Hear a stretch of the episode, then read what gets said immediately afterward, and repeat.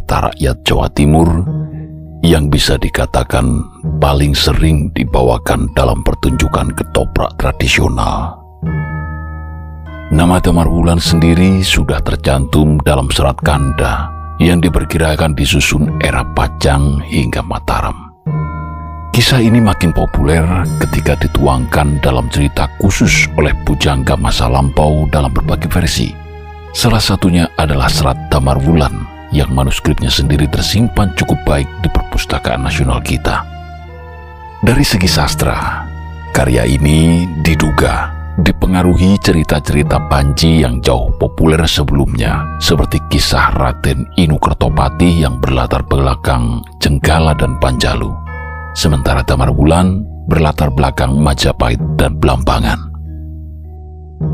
Dari segi sejarah, karya ini menjadi polemik tersendiri, fiksi atau nyata. Banyak yang meyakini tokoh-tokohnya ada, bahkan memiliki petilasan. Bagi yang menyatakan fiksi, cerita ini sama sekali tak sesuai dengan fakta sejarah. Karena entah bagaimana, Ronggolawe yang hidup di awal Majapahit bisa ada di masa Ratu Kencana Wungu yang konon diidentikan salah satu dari dua sosok Ratu Majapahit, yakni Tribuana Tunggadewi atau bisa juga Ratu Suhita. Seperti kita tahu, Ronggolawi sendiri wafat di Kali Tambak Beras di awal berdirinya Majapahit. Sementara Tribuana Tunggadewi dan Ratu Suhita hidup sekian periode setelah Majapahit berdiri.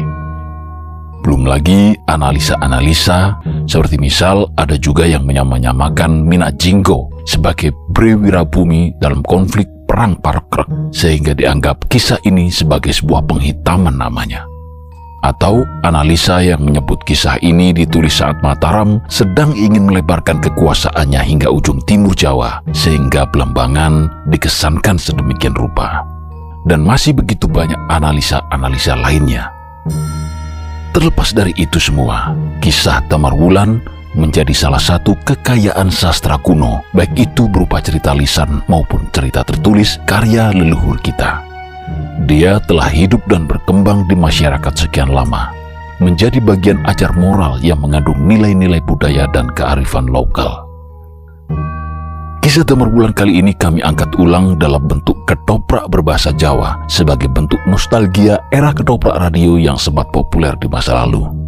Kami coba angkat lagi dalam garapan gaya kekinian versi kami sendiri dalam bentuk mini seri. Tak lupa, kami ucapkan Sugeng Warso Enggal, kagem sederek pandemen jagat mandala sekalian. Sugeng Hamir Sani.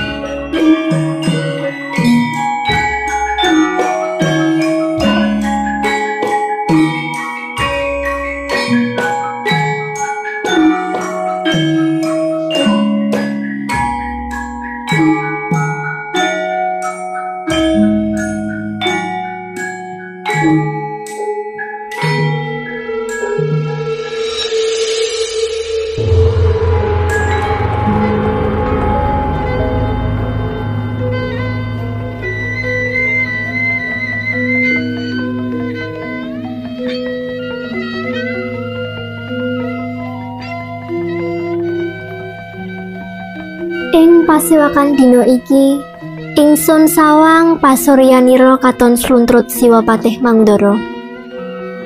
Menawa ingsun gambarake pasuryanira tan beda angkasa kang lagya kinemulan hirawan.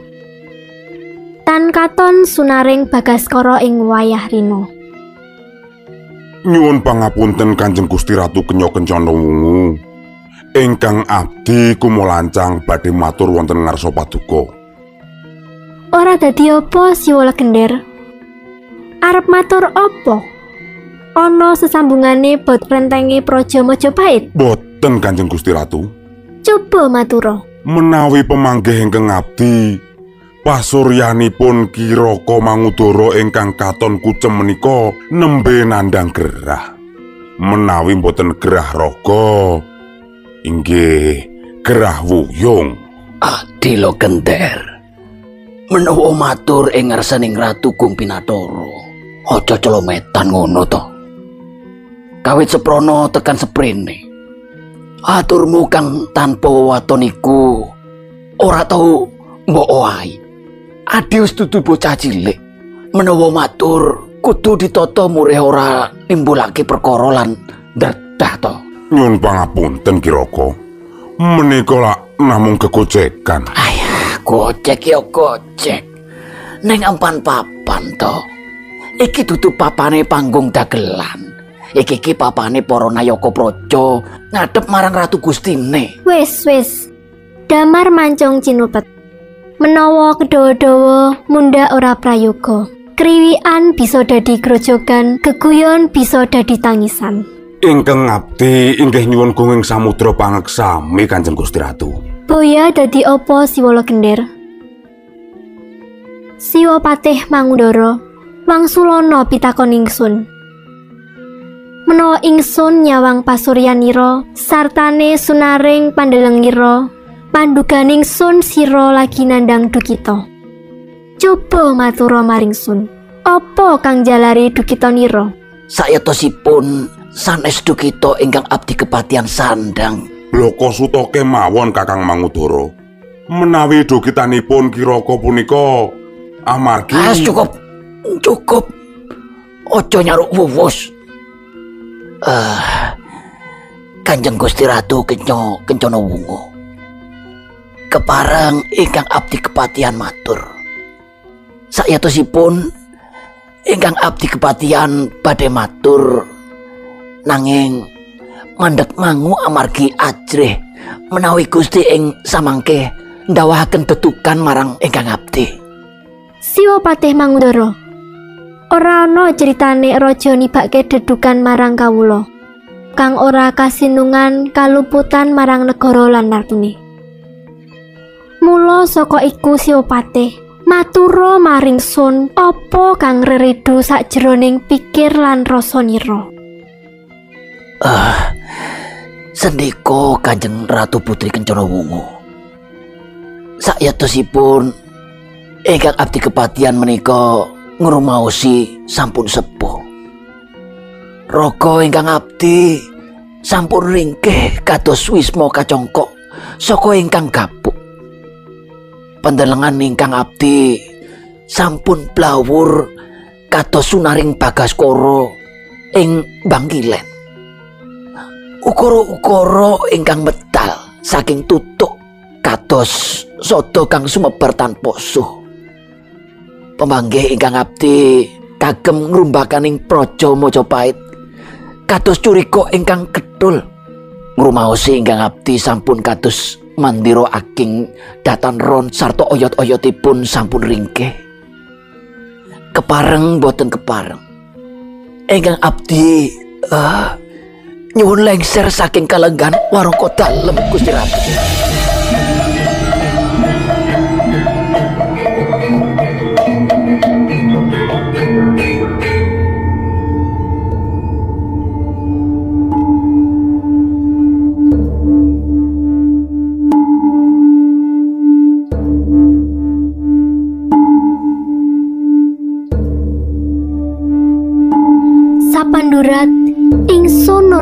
Ora bisa kumecap sakwuse nampa aturira siwa patih mangdara kadya kesamber bledek ing mangsa ketiga.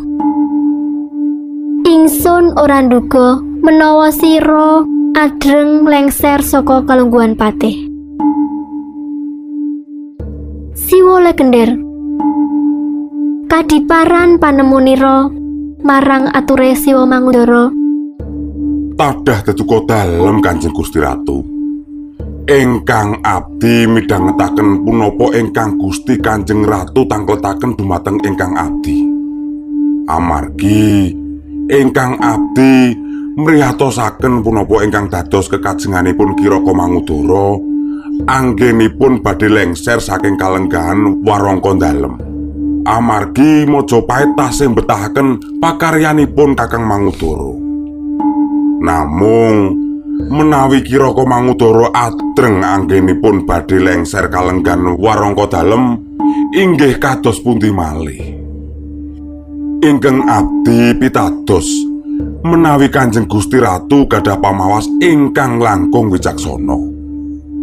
Bilih sayektosipun kathah kawula Majapahit ingkang kasinungang kawegikan dados warangka dalem.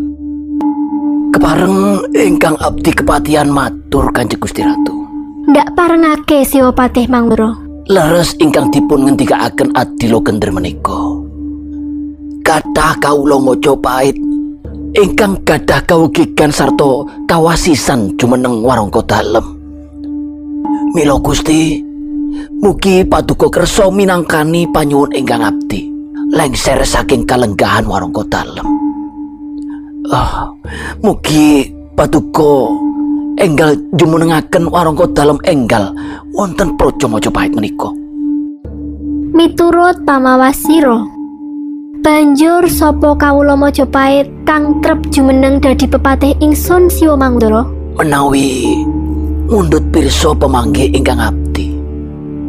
Boten wonten ingkang trep nampi kalenggahan warangka dalem Majapahit. Kejawi namung Adilo Genter. Amargi kasetyanipun Adilo Genter dateng sampeyan dalem tuwin dateng Praja Majapahit sampun ageng.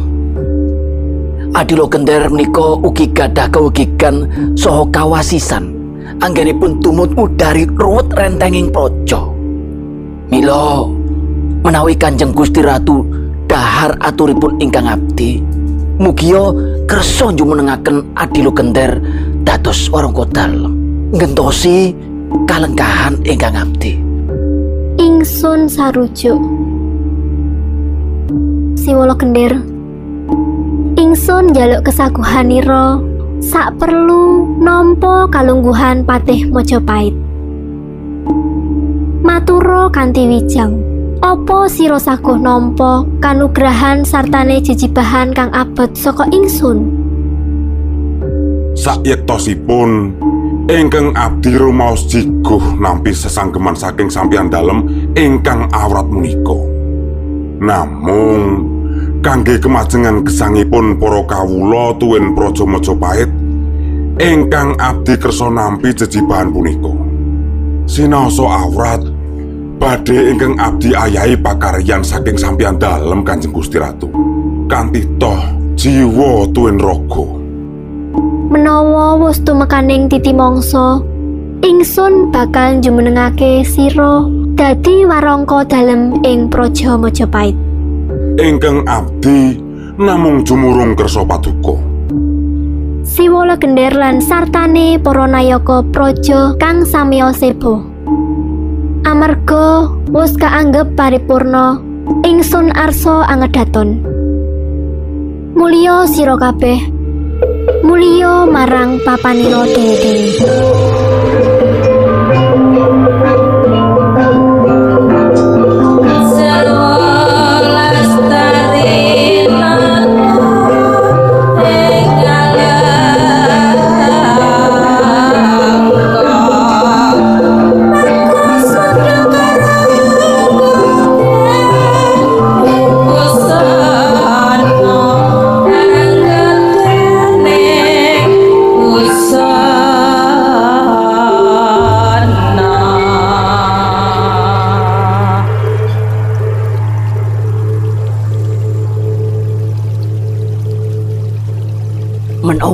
Ndak sawang saka wektu pletheking srengenge tumekaning angslupe srengenge.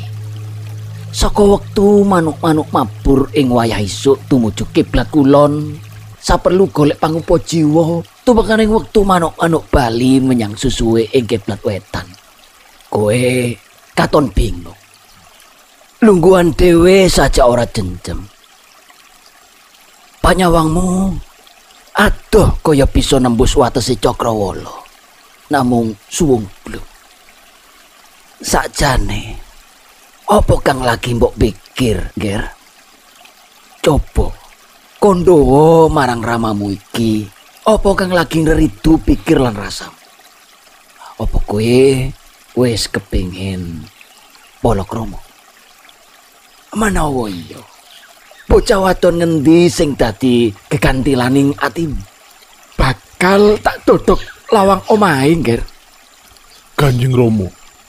Menawi kula matur bloko, menapa Kanjeng Rama mboten duka kalih ingkang putra? putraku Damarwulan coba mbok eling-eling. Kapan aku kesulan nesu marang kowe? Kawit kowe isih cilik tumekaning saiki.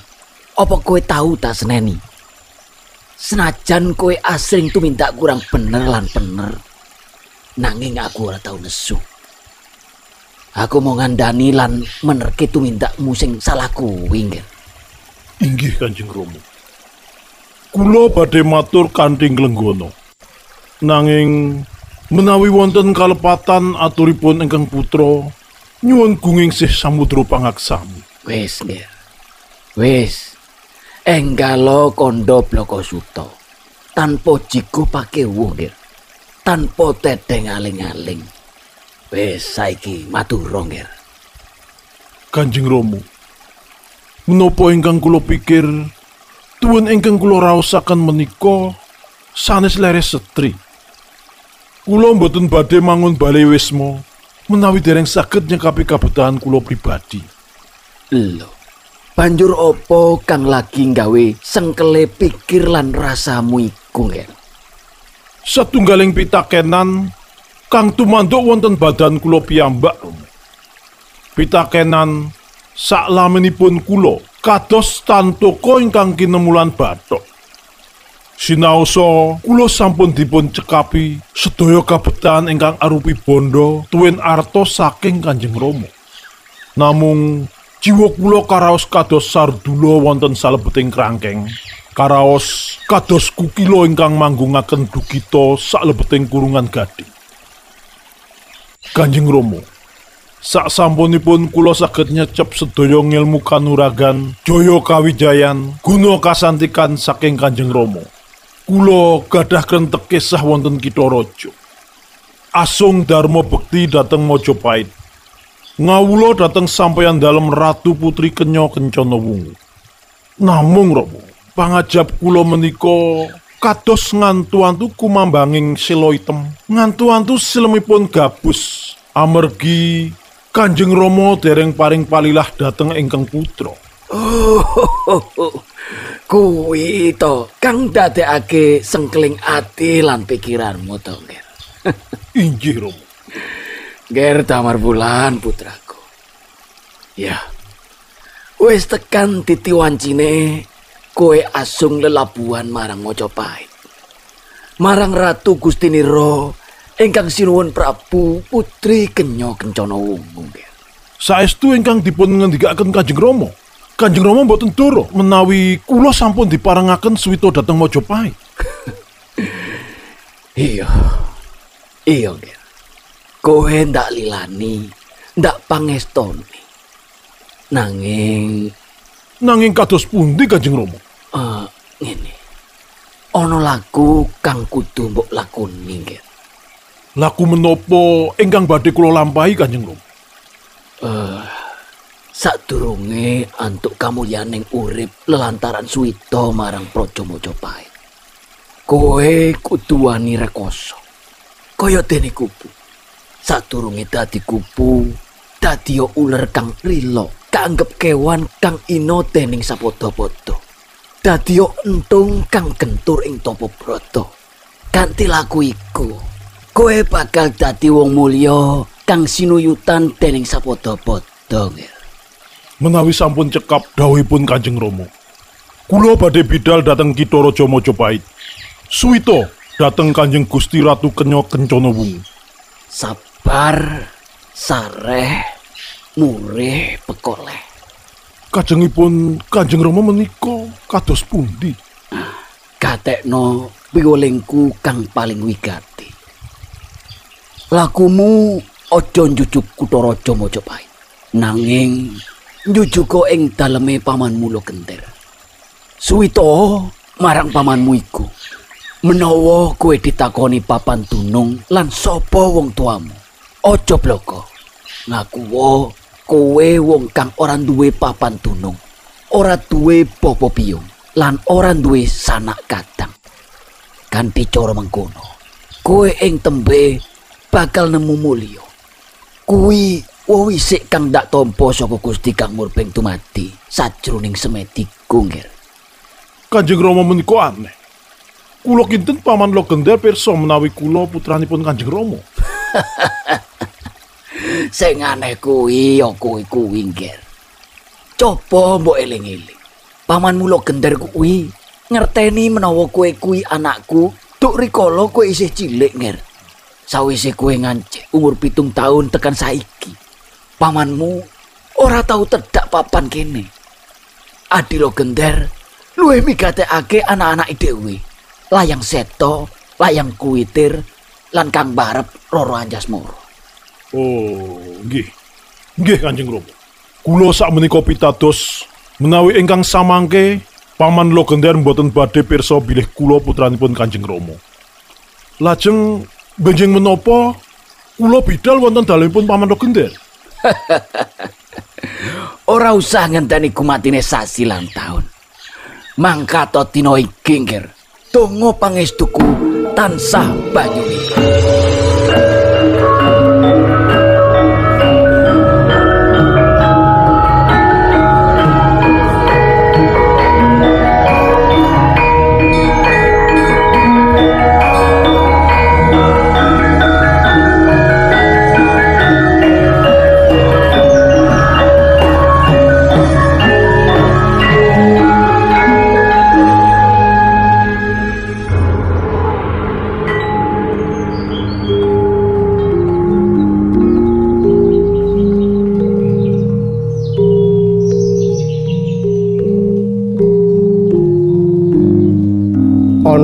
unen-unen cakra manggilingan. Rikala wong urip ana ngisor akeh wong padha ngina. Rikala ana dhuwur akeh wong padha aweh pakurmatan ngajeni lan ngalem nganti entek amek kurang golek. Bener kandamu Kang Mas Layang Seto. Rikala Rama gender durung dadi warangka dalem Majapahit. Awak dhewe ora beda karo wong lumrah kang dedunung ing pradesan lan pegunungan. Ora ana wong sapa waruh marang awake dhewe rikala lumaku ing dalan lumebu ing pasar sarta lagi ngenggar-enggar ati ing taman kutha nanging sakwise Rama Legender jumeneng warangka dalem Majapahit awake dhewe kaya gula kang mutah ing jogan Mawewu semut padha ngrubung saperlu nyedhep kamulyan mulan kamulyaku. Ora ta? Nanging Dimas Layang kumitir kudu eling. Awake dhewe mulya amarga kamulyaning Kanjeng Rama. Menawa Kanjeng Rama wis lingsir saka kalunggane patih, apa awake dhewe ya tetep mulya? Ora, sepisan meneh ora. Iya ya Kang Mas. Ah banjur kepriye iguhmu supaya awak dhewe tetep urip mulya tanpa dedepe sang ngisor kamulyaning Kanjeng Rama? Gampang. Loh, Dimas gunakake aji mumpung. Wah, gunakake aji mumpung ta? Bener. Mumpung Kanjeng Rama dadi warangka dalem kang dipercaya dening Gusti Kanjeng Ratu Kenya-Kenyana Wungu awake dhewe kudu bisa migunakake kalunggane Kanjeng Rama iku dadi pancatane awake dhewe anggone pengin duwe kalungguhan dhuwur. Menawa ora manggala yuda ya adipati. Kanthi cara mengkono awake dhewe tansah kajen keringan. Aduh akalmu kok bener-bener kancil to Kang Mas? Ora mung kancil nanging boyo. Lho, wonten romo to?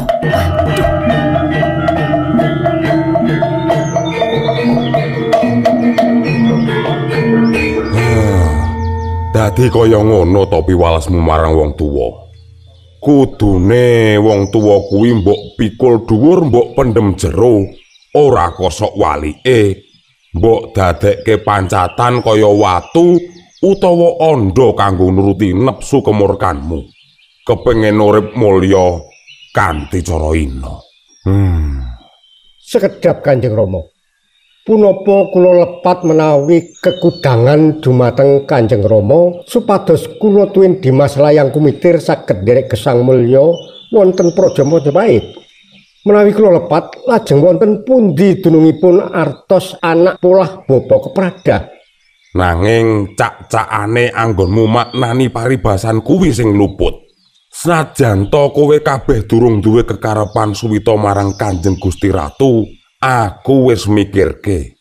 Nanging cara kang bakal dak tempuh kuwi cara bener lan bener. Menawa aku migunake cara ngawur, ora mung jalari kowe sak kloron wurung suwita marang Praja Majapahit. Nanging aku bisa kalengserake saka kalungguhanku dadi wrangka dalem. Nyuwun pangapunten Gusti Patih. 我应该说完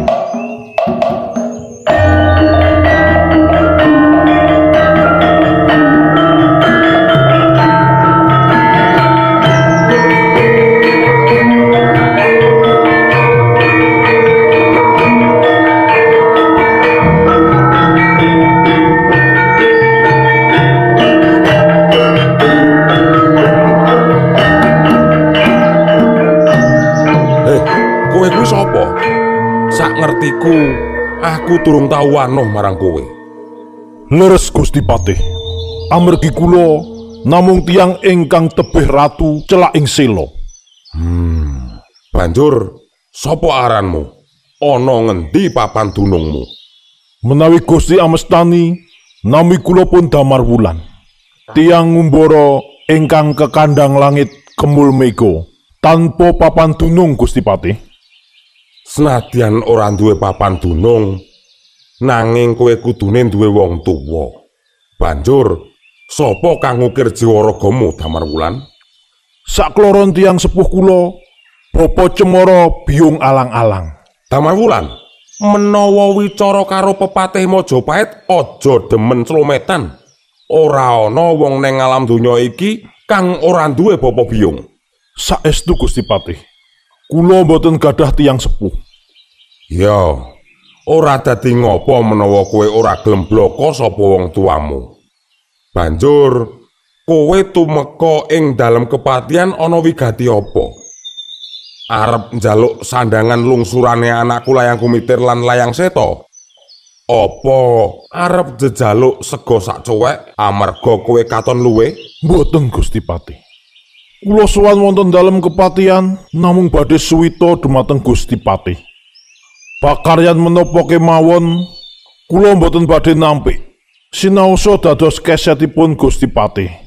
Apa kang mbok kandhake iku tulus saka ati kang jero? Saestu Gusti Patih. Bumi langit ingkang dados seksi. Ya wis, aku percaya karo sumpahmu. Lajeng pakaryan menapa ingkang badhe kasampiraken wonten pundak kula? Pekatik lan serati. Apa kowe saguh Damar Wulan? Menawa saguh, tandangono. Menawa ora saguh, goleka gawean neng papan liya. Inggih, kula sagah Gusti Patih. Bagus. Mula saiki menyang neng gedhokan. Openono sak kabehe kuda klangenanku. Menawa luwe pakanono, menawa awake reget goyangen, menawa lara tambanono. Sedaya dawuh saking Gusti Patih badhe kula tindakaken. Keparenga kula lengser saking papan menika badhe ngayahi karya. Iya, Damar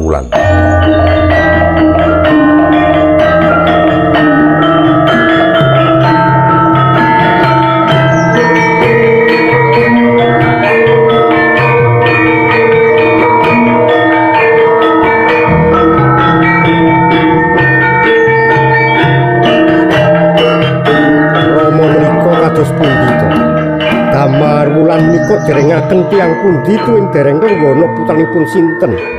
Nanging menapa Rama kesesa paring pedamelan kalian Damar wulan? menawi damar wulan menika tiyang awon ing samangke Rama badhe kapitunan getun ing tambe wingking Layang Seto, dadi wong iku aja demen cubriya marang sepadha-padha. Aku iki dudu wong tuwa pupuk ampas. Aku bisa nintingi sapa wae wong kang becik lan sapa wong kang ala. Mula saka iku Layang Seto, kowe lan adimu Layang Kumitir ora perlu cubriya marang Damar Wulan.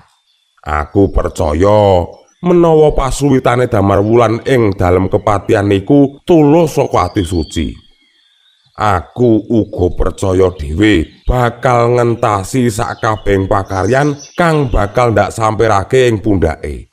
Percaya karo aku. Namung Rama, Cukup layang kumitir. Menawa kowe lan kang masmu kepengin dadi wong mulya, tuladanen kae Damar Wulan ing sak mengkone. Aku wiwit percaya menawa Damar Wulan suwita marang aku mung kepengin nindakake laku prihatin. Laku kang dadi kuncine urip kang kaluberan tirta kamulyan.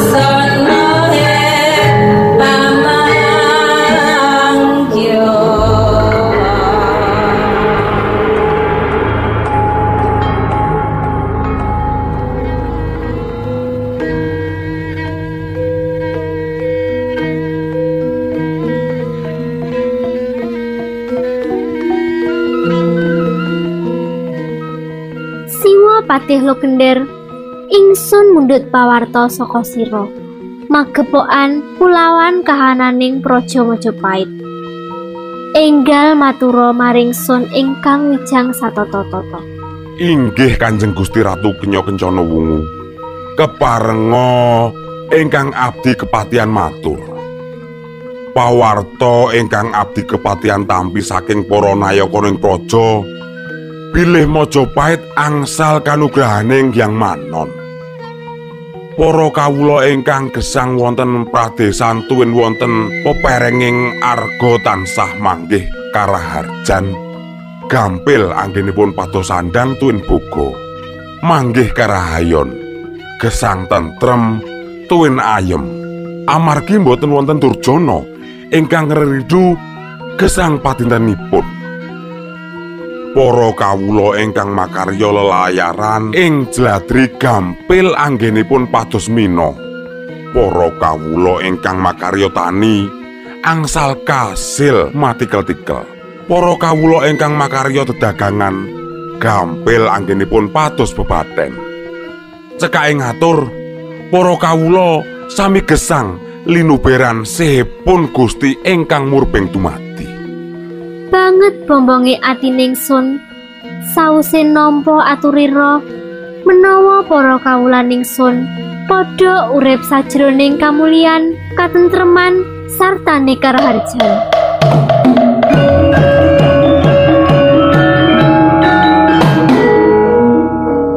Nyuwun gunging pangapunten dalem Kanjeng Gusti Ratu Kencana Wungu. Kawula ngadhep ngabiyantara dalem datan tinimbalan. Sejatine sira kuwi sapa apa kang dadi ancas tujuan sira ngadhep maring sun Kawula menika salah satunggaling kandhe dutanipun Prabu Urbisma ingkang ugi katelah Prabu Minakjingga. Sowan kawula ing abiyantara dalem namung badhe ngaturaken nawula saking sesembahan kawula tiang agung Blambangan. enggal aturna layang saka Ratu Gustinira bocah gandhik Sasampunipun nawala paduka tampi Kanjeng Gusti Ratu Kencana Wungu.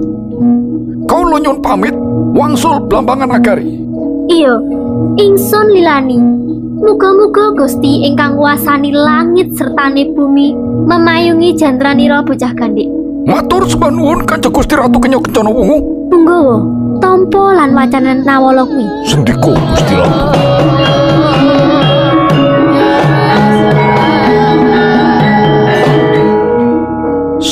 Sabtu Pandito Ratu Tan Pisowo Lawali. Duk rikala pasuryanku kadya pasuryane Bathara Kamajaya. Sira asung janji arso dadi sisian ingsun saka alam padang tumekeng alam kelanggengan. Nanging sawuse pasuryanku lan ragaku rusak, sira katon blencani janji. Mula lelantaran nawolo iki Nimas Ayu Kencana Wungu. Ingsun nakih prasetyan niro marang sabdaning Pandita Ratu, marang janji niro. Menawa sira dura ing janji, aja takun dosa. Bumi Mojopahit bakal ingsun kawi segara geni. Bakal ingsun kawi karang abang.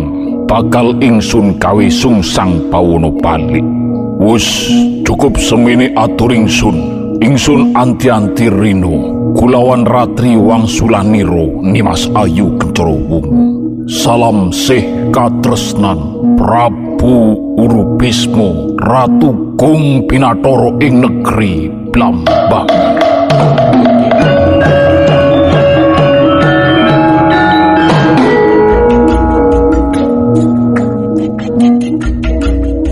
Patih Gender. Minak jinggo wis kumawani nantang maring sun. Nakeh janji maring sun datan ngetrape cara ning jalmu. Mula saka iku Patih metu njaba.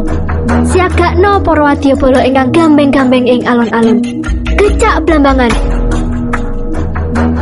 Nyuwun gongsih pangapunten dalem Kanjeng Gusti Ratu Kenya Kencana.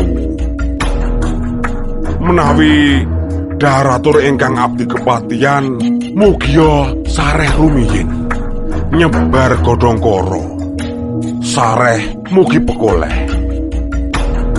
Ingkang abdi kepatian pitados menawi Mojopahit satunggalipun negeri ingkang sentosa tuwin kiyat wadyabalanipun. Namung ing kalodhangan sapunika dereng kantenan saged ngungkulaken blambangan. Amargi Prabu Urubisma tasih kamomong jawata. Godo wesi kuning pengandelan-delipun boten namung saged ngayomi Urubisma saking pralaya, nanging ugi saged nglebur bumi Majapahit. Mila Kanjeng Gusti Ratu angkaranipun Urubisma kedah dipun sampurnakaken. Namung boten menawi srana akal, kedahipun mawi sarana akal. Siwa Patelo Gender. Ingsun bakal linggar saka kedaton saperlu lumebu sajroning wana. Tanono kang bakal ingsun sedya kejaba amung adang-adang pituduhing Gusti kang adil paramarata. Kanthi cara mengkono, ingsun percaya menawa angkara murkane Urubisma bisa kasampurnakake tanpa tumbale wadyabala kang ora ngerti dosa. Salawase lingsun ninggar mangsa borong abang ijone praja Majapahit. Dawuh paduka tansah ingkang abdi kepatian estoaken.